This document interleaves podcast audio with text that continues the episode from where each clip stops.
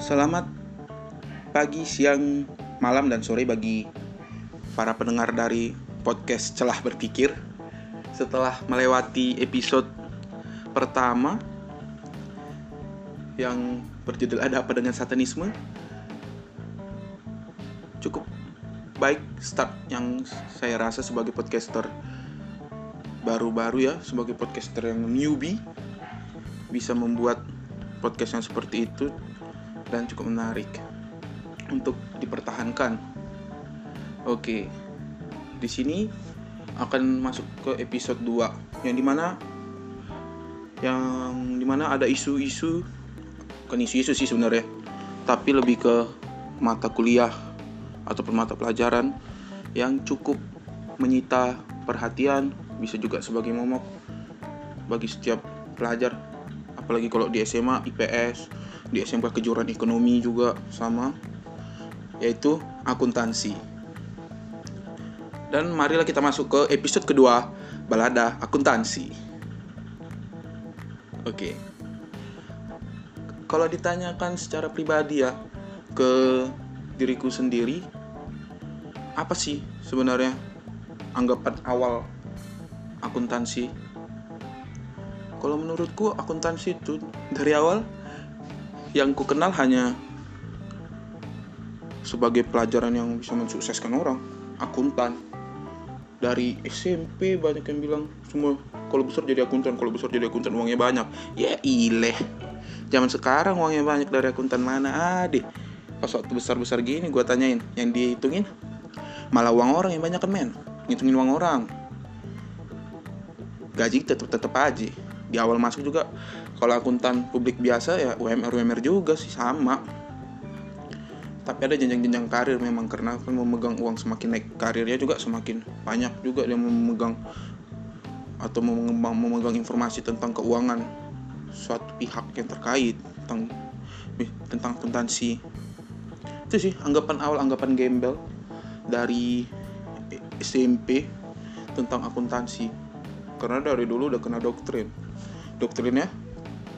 Kalau bisa jadi akuntan supaya lu bisa sukses. Nggak men.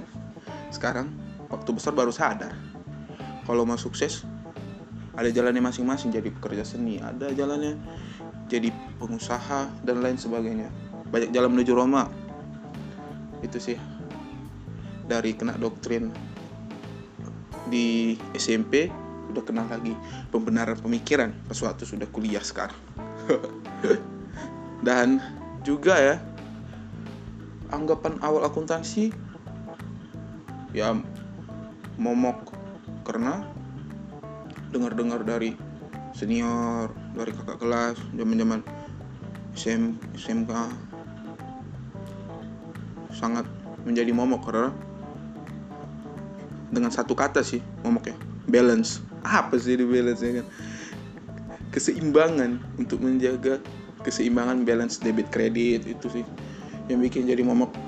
Kalau nggak balance hancur. Kalau nggak balance ngulang dari awal. Itu sih anggapan awal di akuntansi. Dan kalau ditanya kapan pertama kali mengenal akuntansi tepatnya sih SMP dan itu karena kegemaran juga buka berita-berita ekonomi. Atau kenapa ya dari dulu suka berita ekonominya dan sekelibat kedengar langsung laporan laba rugi. Apa sih laba? Laba pas sudah SMP tahunya keuntungan rugi ya. Minus yaitu pendapatan lebih rendah daripada pengeluaran. Nah seperti itu sih. Pemahaman-pemahaman dulu. Dan banyak sih cerita tentang akuntansi. Banyak. Semakin lama masuk-masuk udah lewat masa SMA masuk masa kuliah. Masuk kuliah milih jurusan administrasi bisnis. Jelas dong akuntansi. Lihat langsung perencanaan pembelajaran sampai tamatnya lumayan juga nih. Akuntansi dari semester 1 sampai semester 4 ada 4 semester dari akuntansi dasar, akuntansi keuangan, akuntansi biaya, akuntansi manajemen. ya, atau atau akuntansi manajerial. Ada empat semester. Dan menjadi momok. Momok juga sebenarnya. Kenapa ya kan? Ya tergantung orang-orangnya juga sih yang belajar. Karena semakin lama kalau menurut pribadi ketika nganggapnya dari awal momok ya momok momok terus menakutkan menakutkan. Dengan satu kata aja balance. Kalau lu udah nyatet laporan jurnal lah ya jurnal umum kalau nggak balance stresnya luar biasa men. Ya kalau kalian dia tuh. Hapus sih ubahin kagak ada udah harus di cross check dari awal. Yang mana salah masuk kamar debit atau kredit. Double entry ya luka pakioli. Yang nemuin ya mungkin ada yang berterima kasih sama Luka Pakioli karena gara-gara dia juga pencatatan keuangan semakin rapi double entry-nya. Ya kita berterima kasih sama setiap ilmuwan. Tapi ada juga yang mungkin sedikit menggerutu. Menggerutu karena ya bukan bukan harus menyesali hasil penemuannya. Tapi memang menggerutulah karena pemikiran kita nggak sanggup untuk memahami hasil temuan dari seorang peneliti mungkin kita yang belajar-belajar akuntansi merasa kalau tidak cocok ya dipelajarin. Dipelajarin untuk ngerti dasar-dasarnya oke yang paling dan ada juga pengalaman kuliah akuntansi. Ini kalau anak-anak fisip usu pasti tahu sih sebenarnya nih ada masuk semester berapa ya? Sebelum pandemi berarti di semester 4 maybe 4 ya 4 yang terakhir ataupun 3 kalau nggak salah ada gue hmm. di semester itu Fesibusu mungkin di setiap semua orang punya lokasi-lokasi kelas yang cukup strategis ya. Ada namanya di Fesibusu ruang D22 tuh masuk tuh akuntansi. Udah masuk akuntansi di ruangan itu kalau digambarin ada pintu. Pintu geser yang menyekat kedua ruangan. Jadi tuh kalau mahasiswanya rame pintunya digeser tuh dibuka. Tuh kalau mau jadi dua kelas tinggal tutup nah nama ruangnya di dua dua karena kami masuk jumlahnya kelas kami juga banyak ya.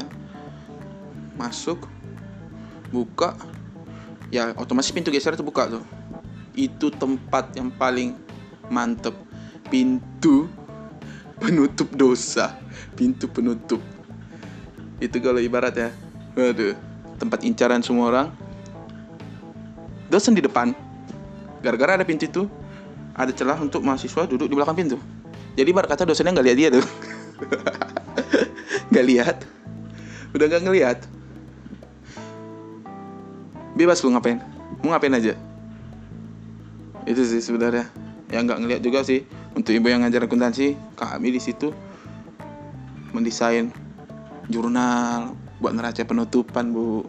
Buat buku besar. Ya kami memang si rajin. Mahasiswa-mahasiswa dengan predikat si tidak pemalas itulah.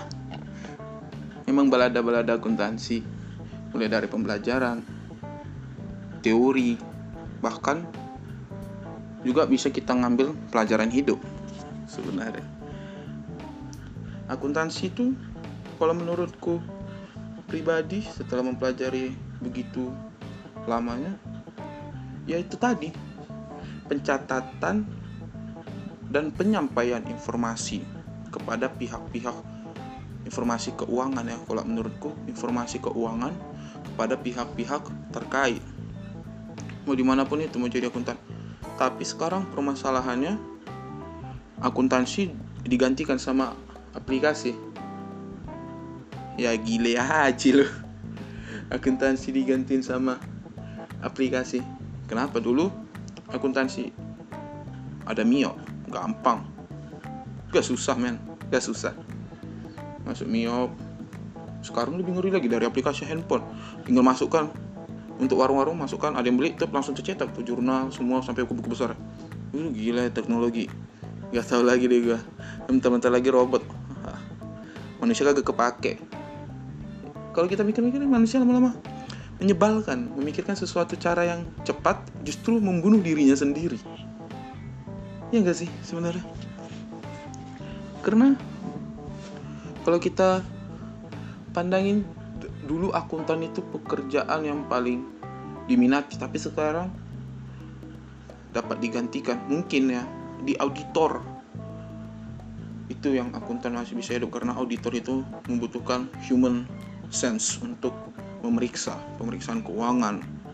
Tapi kalau untuk pencatatan zaman sekarang ada aplikasi masukin apa yang untuk warung ya sekelas warung masukin ada orang yang beli dia tinggal masukin angka dia beli apa tuh langsung keluar tuh. Nama akun apanya di mana jurnal umumnya juga udah tercetak buku besar udah segala macam. Zaman enak. Tapi nggak enak untuk orang-orang yang udah terbiasa dengan kehidupan yang lama zaman semakin lama semakin cepat berubah ya. Nah itu itulah yang dia yang aku alamin selama belajar akuntansi pemahaman cerita proses pembelajaran dan segala macamnya. Tapi hasil pembelajarannya gak usah deh males. Males juga sih ceritanya pembelajaran tentang jurnal rekonsiliasi segala macamnya. Banyak banyak. Dan itu juga harus dipelajari secara berulang-ulang. Gak bisa cuman di sempat semester tembak nggak bisa lo apalah. Ya mungkin saya spend waktu di setiap minggu untuk mereview kembali. Oke. Memang si rajin. Si rajin dan si tidak pemalas. Aduh aduh. Masa-masa kuliah di kelas ya? Lumayan juga sih. Merindukan di mana buka pintu kalau dapat kelas di D22 incaran pintu geser.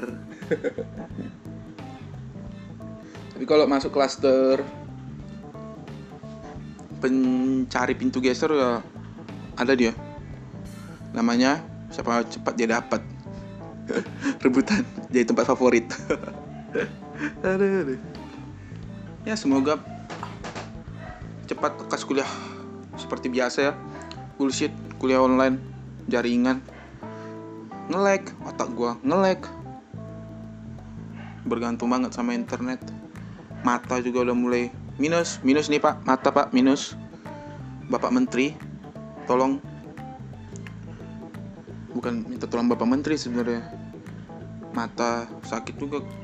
Ya itu sakit mata. Ya gimana lagi? Keadaan ya ikutin aja deh yang dilakukan untuk kebaikan bersama kan? Oke. Nah selanjutnya masuk kita ke sesi bahas-bahas soal jurnal ya. Review-review jurnal. Ini jurnal yang kuambil itu jurnal yang cukup menarik dengan berjudul pembentukan karakter mahasiswa berbasis filosofi makna akuntansi ciptaan dari Muhammad Lutfi Mahrus. PK Instan. Tahun terbit 2017 kita lihat ya. 2017 nah. di jurnal ini sangat menarik karena pendekatan-pendekatan yang dilakukan adalah pendekatan tentang filosofi makna kalau kita udah bicara tentang makna dia di sini membuat hasilnya hasil pembah dan pembahasan itu di makna pertama akuntansi merupakan seni yang bervisi.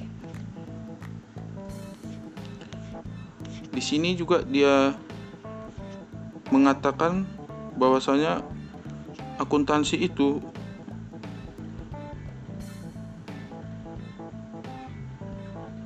dalam proses pemilihan metode yang tepat adalah di situ unsur seni, ada creative judgment dari manajemen di suatu instansi.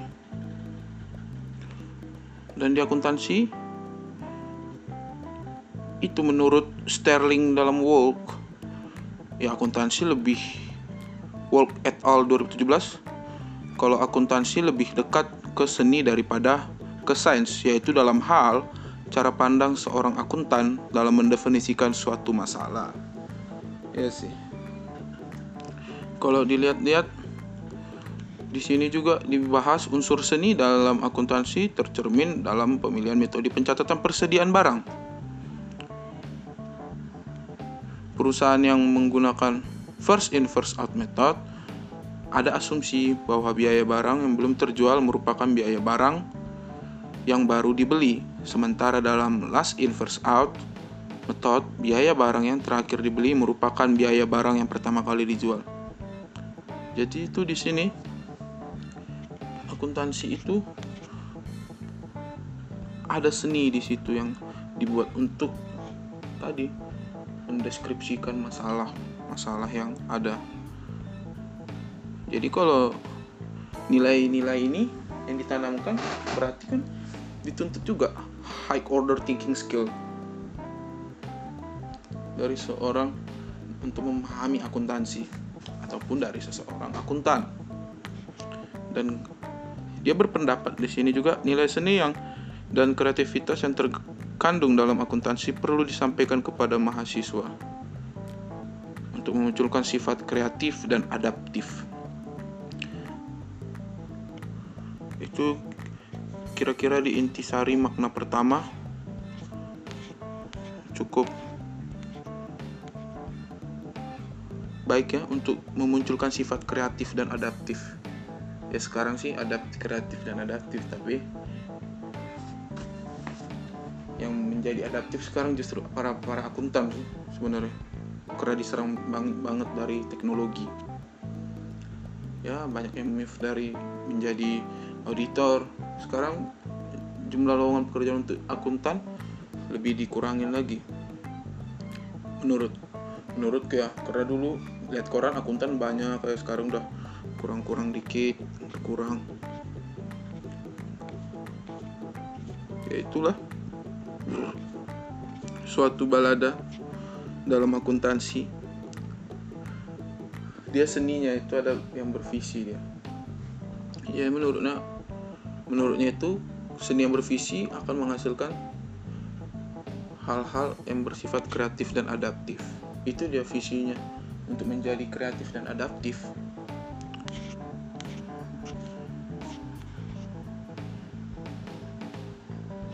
Menarik ya. Dan juga dia di sini berpendapat juga memberikan masukan untuk pengajar itu atau pendosen maupun guru yang mengajarkan akuntansi dapat menyampaikan kepada anak didiknya bahwa tujuan akuntansi tidak hanya menghasilkan laporan keuangan suatu entitas, melainkan juga turut berkontribusi memajukan perekonomian negara serta membentuk lingkungan masyarakat yang jujur, akuntabel, dan kredibel. Hmm.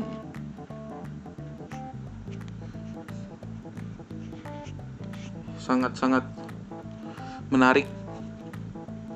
Karena ya memang setiap ilmu pengetahuan yang ada haruslah bermanfaat untuk masyarakat umum.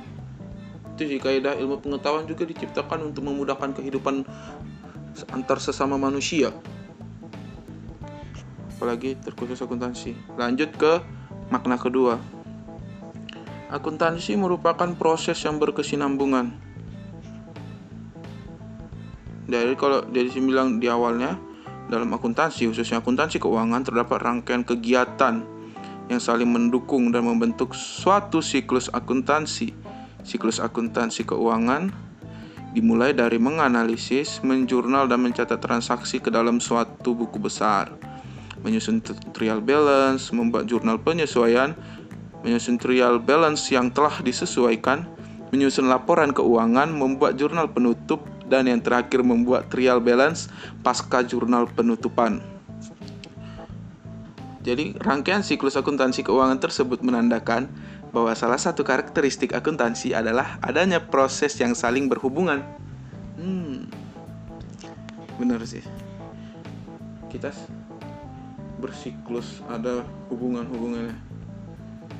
kalau kita tarik lagi ke kehidupan kehidupan dalam bermasyarakat ini ya siklusnya. Siklus kehidupan yaitu bayi tumbuh dewasa tua dan mati. Itu enggak siklus itu sebenarnya proses ya. Kalau siklus kehidupan itu dia berputar lagi. Mungkin akan ada lagi bayi-bayi baru yang lahir untuk membuat lagi proses siklus kehidupan manusia. Itu dalam mempunyai keturunan. Dan juga di sini dia memberikan pemaparan bahwasanya setelah diberikan pemahaman bahwa akuntansi adalah proses yang berkesinambungan, mahasiswa diharapkan memiliki sifat sabar sehingga mampu menghargai setiap proses yang dijalani. Sabar. Sabar. Sabar itu juga menurutku ya. Kalau sabar dalam menghadapi proses yang dihadapi kita ada menetapkan juga sih target sabar yang mau kita taruh batasan sabar kita di mana sampai batasannya di mana gitu kalau udah melewati itu ya udah kita tidak bisa lagi melanjutkan cut out berhenti menyerah. Itu sih. Kalau menurutku soal kesabaran ini karena sabar itu persepsi individu. Selanjutnya dia membuat juga bahwa sebagai contoh pada saat menjelaskan tentang persediaan, pengajar menyampaikan bahwa untuk menentukan nilai saldo persediaan akhir secara cepat dan akurat diperlukan koordinasi dan kerjasama yang baik antar bagian atau departemen. Uh, sangat bermakna sekali. Memang sih kerjasama antar setiap individu harus di diutamakan untuk dalam mencapai suatu tujuan organisasi. Karena di makna yang kedua ini jelas akuntansi merupakan proses yang berkesinambungan. Untuk bisa mendap untuk bisa melakukan proses tersebut kan proses dilakukan juga untuk mendapatkan tujuan. Apalagi prosesnya berkesinambungan. Yang dari tadi yang udah dibilang dari sampai ke trial balance setelah neraca penutupan. Dan itu terus saja berulang dan tanpa sinergi yang baik antar bagian maka nilai persediaan akhir perusahaan informasi tidak dapat inform, perusahaan informasi tidak dapat mencerminkan kondisi yang sebenarnya. Hmm. Menjaga kerjasama antar individu. Kalau menurutku ya, kalau membahas pembahasan yang ini dikaitkan dengan kehidupan pribadiku, aku berpandangan kita sebenarnya hidup itu dituntut untuk memahami sesama manusia. Esensi hidup. Ya selama ber hampir 22 tahun hidup ini itu sih pembelajaran hidup yang harus dilakukan memahami sesama manusia. Walaupun pekerja walaupun pembelajaran ini cukup menyita waktu, perhatian, energi yang sangat besar. Bahkan nggak bisa sih sebenarnya secara total untuk memahami sifat manusia. Kita kan harus paham juga sifat manusia yang lain. Beda manusia, beda sifat, beda pemahaman dan pemikiran. Oke, lanjut ke makna ketiga. Akuntansi berarti pelayanan secara optimal. Dia memaparkan nilai pelayanan dalam akuntansi dapat ditemukan pada proses penyiapan informasi. Akuntansi misalnya informasi terkait piutang usaha untuk menyusun laporan saldo piutang usaha diperlukan data lengkap. Antara lain meliputi data terkait jumlah penjualan baik tunai maupun kredit, data retur penjualan, data diskon penjualan. Jadi pelayanannya dilakukan secara optimal ketika sudah diminta informasi tentang keuangan maka berikanlah yang diminta. Jangan sampai kurang jangan sampai lebih melebihi deadline. Karena maknanya ketiga kan beriringan juga. Bahwasanya hakikatnya akuntansi itu adalah pemberian informasi keuangan terhadap pihak-pihak yang terkait sehingga informasi tersebut bermanfaat untuk dipakai misalnya ke investor kepada pemerintah sebagai bahan acuan pengenaan pajak kepada pemilik perusahaan bahkan kepada manajer untuk mengembangkan perusahaan tersebut bekerja ataupun instansi tersebut bekerja sesuai koridornya dan mendapatkan tujuannya. Dan dia juga sini memaparkan pelayanan merupakan unsur sangat penting dalam akuntansi karena dengan pelayanan yang prima berupa penyajian informasi yang valid dan akurat, para pengambil keputusan dapat membuat keputusan secara tepat. Hal inilah yang menjadikan akuntansi memegang peranan penting dalam kehidupan sosial karena setiap orang dipengaruhi oleh informasi akuntansi. Hoget 2015 dan juga untuk memenuhi itu ada dia namanya standar akuntansi keuangan yang disusun oleh Ikatan Akuntan Indonesia. Memang sih.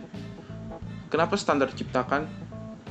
Karena untuk dapat menyelaraskan atau menyamakan setiap pelayanan yang ada di wilayah Indonesia. Apalagi ini dia buat IAI, ada lagi IF, IFRS internasional yang internasionalnya itu menyusun yang standar internasionalnya lagi.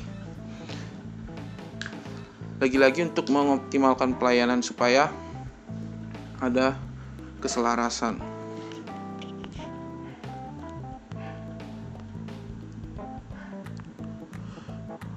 Dan di jurnal ini juga agar dapat menerapkan nilai pelayanan secara optimal, mahasiswa harus memiliki sifat dan karakter ikhlas, komunikatif, dan kontributif.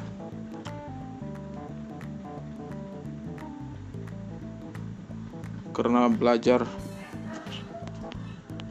di makna ketiga pelayanan, ya memang hakikat dari pelayanan yaitu tadi yang sudah disebutkan.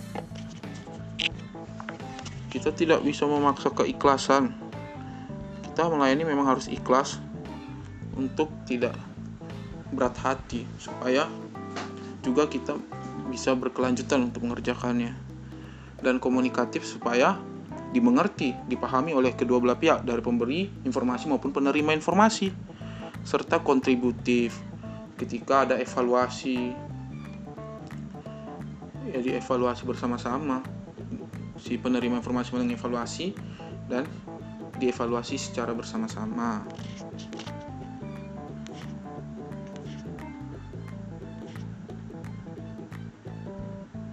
Dan juga karena di sini juga ada membahas untuk membentuk karakter karakter tersebut dia memasukkan saran-saran kepada pengajar yaitu pengajar dapat mengambil nilai dari produk bahasan akuntansi yang berhubungan dengan kontribusi atau sumbangsi kepada masyarakat luas. Ini si jurnal cukup menarik juga ya, karena jurnal ini memahami dari filosofi makna. Filosofi makna berarti kebermanfaatan. Kebermanfaatan untuk sesama manusia sehingga dia memberikan masukan kepada di sini ya di jurnal ini memberikan masukan kepada mahasiswa maupun si dosen dalam pengajaran akuntansi. Inilah ketika memahami suatu mata kuliah ataupun mata pelajaran dari filosofi makna, dari kebermanfaatan untuk orang lain. Terus dia lagi bilang di sini ada makna keempat. Akuntansi berarti pertanggungjawaban secara tuntas. Dalam akuntansi terdapat unsur pertanggungjawaban yang tuntas informasi akuntansi yang disajikan kepada para pengguna iyalah dari siklusnya tadi juga ada pencatatan transaksi pencatatan transaksi yang sudah dilakukan tapi ya walaupun pertanggungjawaban secara tuntas dan juga yang lain jadi pertanyaan kenapa ya akuntan yang terkenal seperti Gayus Tambuhan, Mary Gultom itu melakukan korupsi. Balik lagi, kalau kita memahami tentang kehidupan ini setelah membaca jurnal, memberi pandangan pribadi juga, sebenarnya greedy, greedy ataupun serakah.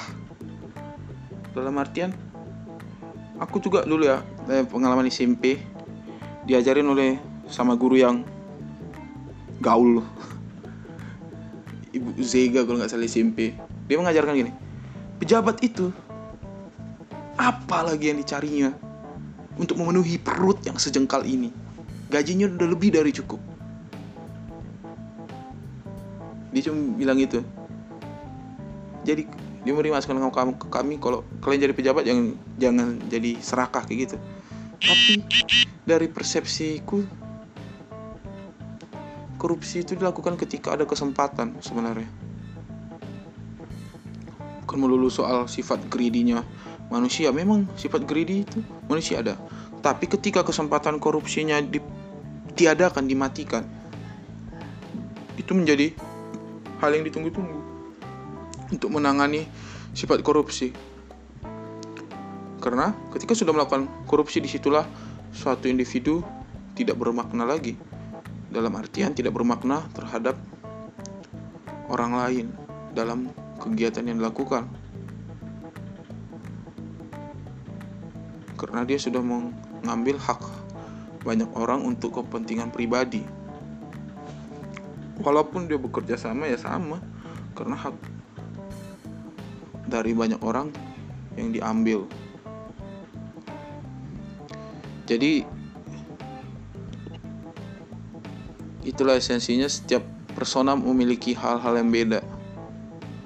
Korupsi bisa ada karena ada kesempatan. Kasus-kasusnya juga cukup menarik ya merugikan negara bertriliunan padahal kalau uang itu dipakai bisa untuk memberi makan let's say berjuta orang dalam program pemerintah. Setiap orang memiliki batasan-batasan sendiri sih dalam memahami orang lain. Itu tadi kita dituntut untuk memahami orang lain itu nggak bisa sih. Justru kita memahami diri sendiri aja dulu. Apakah kita sudah tuntas untuk memahami diri sendiri? Ya kita jawab masing-masing kira kalau aku menganggap hidupku ini sebagai perpaduan kecelakaan keberuntungan. Kecelakaan keberunt dan keberuntungan. Itu sih. Oke lanjut. Di makna keempat akuntansi berarti pertanggungjawaban secara tuntas. Dalam akuntansi terdapat unsur pertanggungjawaban yang tuntas. Informasi akuntansi yang disajikan kepada para pengguna mengandung tuntutan pertanggungjawaban atas kebenaran informasi tersebut. Sebagai bentuk pertanggungjawaban atas informasi tersebut, penyedia informasi memberikan jaminan asuransi dengan cara meminta auditor untuk mengaudit informasi akuntansi yang telah disusun. Nah, ini dia. Auditor ini cukup menarik ya. Auditor yang terbesar di Indonesia negeri BPK Badan Pemeriksa Keuangan. Semua isi auditor. Dan kenapa aku bilang auditor itu pekerjaan yang nggak bisa digantikan sama mesin? Karena dia membutuh human sense ataupun pemeriksaan secara kemanusiaan karena dia tidak bisa menilai barang karena ini sih biasa kalau BPK dia memeriksa pengadaan-pengadaan, memeriksa kebenaran-kebenaran informasi. Di situlah bergerak sifat manusia tadi dalam melakukan penilaian. Mesin nggak bisa menggantikan itu. Mesin tidak bisa mengolah pemikiran yang seperti itu untuk bisa dapat melakukan auditor karena butuh pergerakan fisik juga membutuhkan amatan karena kan kita hidup manusia yang hidup bermasyarakat. Jadi membutuhkan manusia untuk rasa dalam mengauditor. Ya dalam mengauditor tadi ya udah disebutkan untuk memeriksa di situ. Dan pencatatan transaksi-transaksi akuntansi yang dilakukan oleh suatu entitas harus didukung oleh bukti-bukti yang kuat inilah pemeriksaan bukti-bukti juga kan harus dilakukan sama manusia. Mesin sekarang belum belum bisa sampai ke tahapan itu. Entah pun kalau bisa berarti manusia ini betul-betul sangat merusak kenyamanan dirinya sendiri. Dengan apa? Dengan hal yang diciptakannya. Semakin lama. Ada. Mobil listrik lah. Perkembangan teknologi lah. Yang cukup mengganggu kenyamanan. Selanjutnya ada yang makna kelima akuntansi berarti keseimbangan yang terjaga. Dia di awalnya pembawaannya seperti ini. Sejak Luca Pacioli memperkenalkan double entry system melalui bukunya yang berjudul Summa de Arithmetica Geometria Proportiomi et Proportionalita pada 1494 kondisi perekonomian dan bisnis mengalami peningkatan yang revolusioner konsep pencatatan debit dan kredit yang terinspirasi dari tulisan Luca Pacioli di atas menjadi dasar pencatatan akuntansi hingga saat ini. Wah, Luca Pacioli menciptakan pencatatan akuntansi. Ada yang merasa-merasa kepada Luca Pacioli. Logo sih salut sama setiap penemu-penemu yang kayak gini. Karena temuannya dipakai banyak orang bermanfaat jadi dia di sini memberikan pembahasan bahwasanya selain diajarkan untuk mencatat transaksi keuangan secara balance, mahasiswa perlu diarahkan untuk dapat menjalani semua peran yang ada dalam yang ada secara balance tanpa harus mengorbankan salah satu peran. Dalam hal ini, selain menjalankan peran sebagai mahasiswa, pada saat yang bersamaan seorang mahasiswa juga menjalankan beberapa peran yang lain mulai dari anggota masyarakat, anak orang tua, pengurus organisasi. Balance. Hidup ini harus balance. Keseimbangan. Ya sih. Keseimbangan agar memiliki karakter profesional. Mahasiswa perlu dibekali dengan keterampilan, pengetahuan, dan sikap yang baik. Menurut Hubner, dalam Duska 2011. Seorang profesional mempunyai beberapa karakter, yaitu memiliki keahlian yang didasari kecintaan dan antusiasme terhadap keahlian tersebut dan memiliki pengetahuan yang memadai terkait bidang keahliannya. Selain itu, orang seorang profesional harus mempunyai semangat saling membantu dan meninggalkan sikap egois yang sempit. So, pertanyaan sekarang, sudah seberapa profesionalkah kita? Eh, aku nanya diri kalau dari diriku sendiri, aku masih belum profesional dalam artian belum mengoptimalkan apa yang dapat sebenarnya dapat bisa dilakukan sesimpel seharusnya targetnya target belajar dapat target nilai dapat. Tapi apakah hidup kita cuma mengenai target? Kan tidak. Hidup kita juga ada perpaduan kecelakaan dan keberuntungan tadi kalau menurutku. Kita ada mengalami pertukaran rasa kita ada mengalami perjalanan hidup masing-masing yang berbeda dengan preferensi hidup di masyarakat dan menjaga profesionalisme itu sebenarnya menurutku profesionalisme itu adalah sebuah sikap yang diambil untuk mengoptimalkan semua tugas yang dilakukan sebagai seseorang. Sebagai siapakah dia? Sebagai seseorang ini, dia itu ada jabatan, ada pekerjaan. Sebagai apa? Itu juga dijelaskan setiap individu memiliki peranan yang berbeda atau profesi yang berbeda.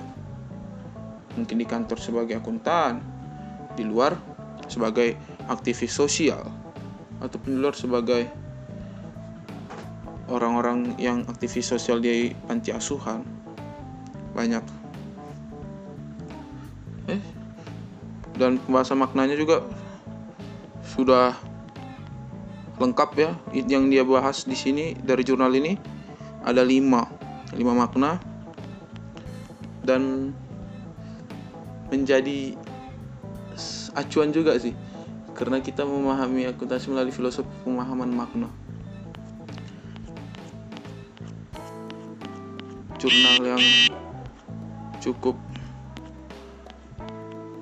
cukup bagus karena di sini dia membahas pembentukan karakter mahasiswa berbasis filosofi makna akuntansi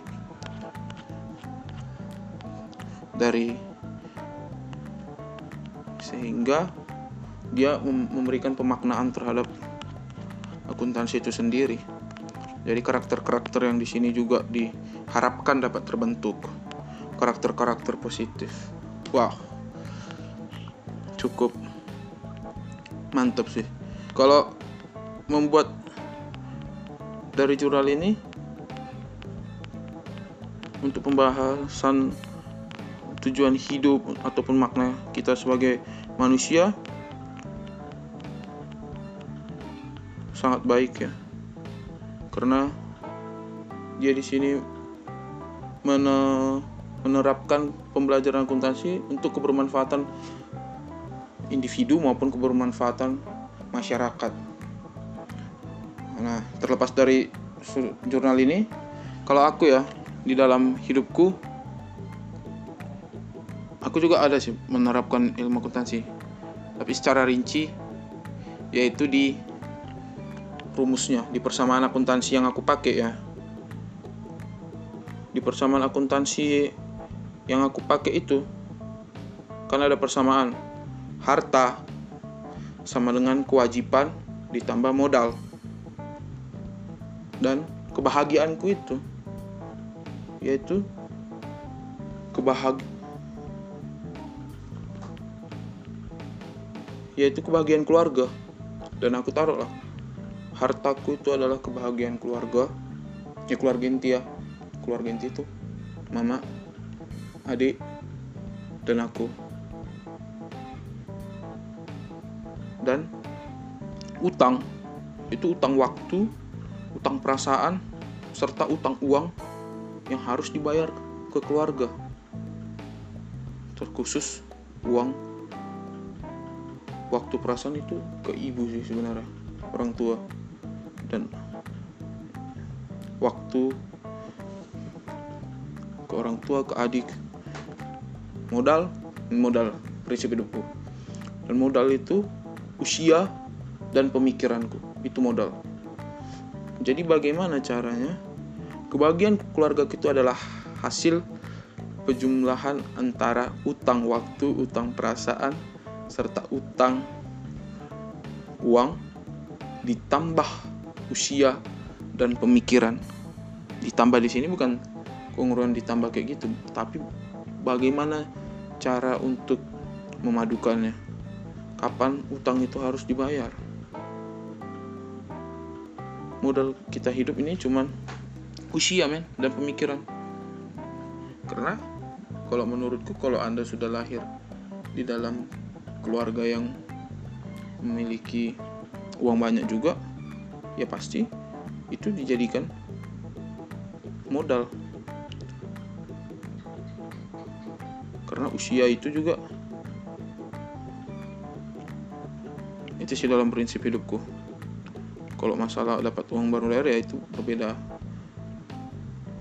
pengalaman dalam berkeluarga kalau aku sih ini ya prinsip hidup yang terbaik bagaimana cara mendapatkan kebahagiaan keluarga yaitu hartaku. Hartaku gambarkan sebagai kebahagiaan keluarga adalah hasil perpaduan antara hutang waktu perasaan uang kepada keluarga yang dipadukan dengan usia dan pemikiran. Bagaimana cara usia dan pemikiran ini untuk dapat mengoptimalkan dalam membayar utang-utang itu? Aduh ini bicara prinsip hidup menjadi pembahasan yang cukup menarik ya tentang akuntansi ternyata akuntansi itu nggak cuma hitung-hitungan aja loh akuntansi itu kalau kita memahami esensinya ya esensinya untuk kebermanfaatan diri sendiri ataupun kebermanfaatan orang lain. Tinggal diri kita sendiri aja yang memahaminya sebagai apa. Ya kalau kita belajar jangan cuman kita belajar hanya untuk kayak aku tadi yang pas waktu SMP untuk jadi akuntan dapat uang banyak. Enggak juga ternyata. Sementara banyak orang yang berpikiran kayak gitu. Padahal esensi dalam menciptakan ilmu pengetahuan adalah untuk memudahkan kehidupan manusia. Aduh cukup bijak si bijak. Dan terima kasih sudah mendengarkan podcast ini ya cukup lama juga sih udah 45 menit. Dan sampai berjumpa lagi di podcast setelah berpikir selanjutnya. Terima kasih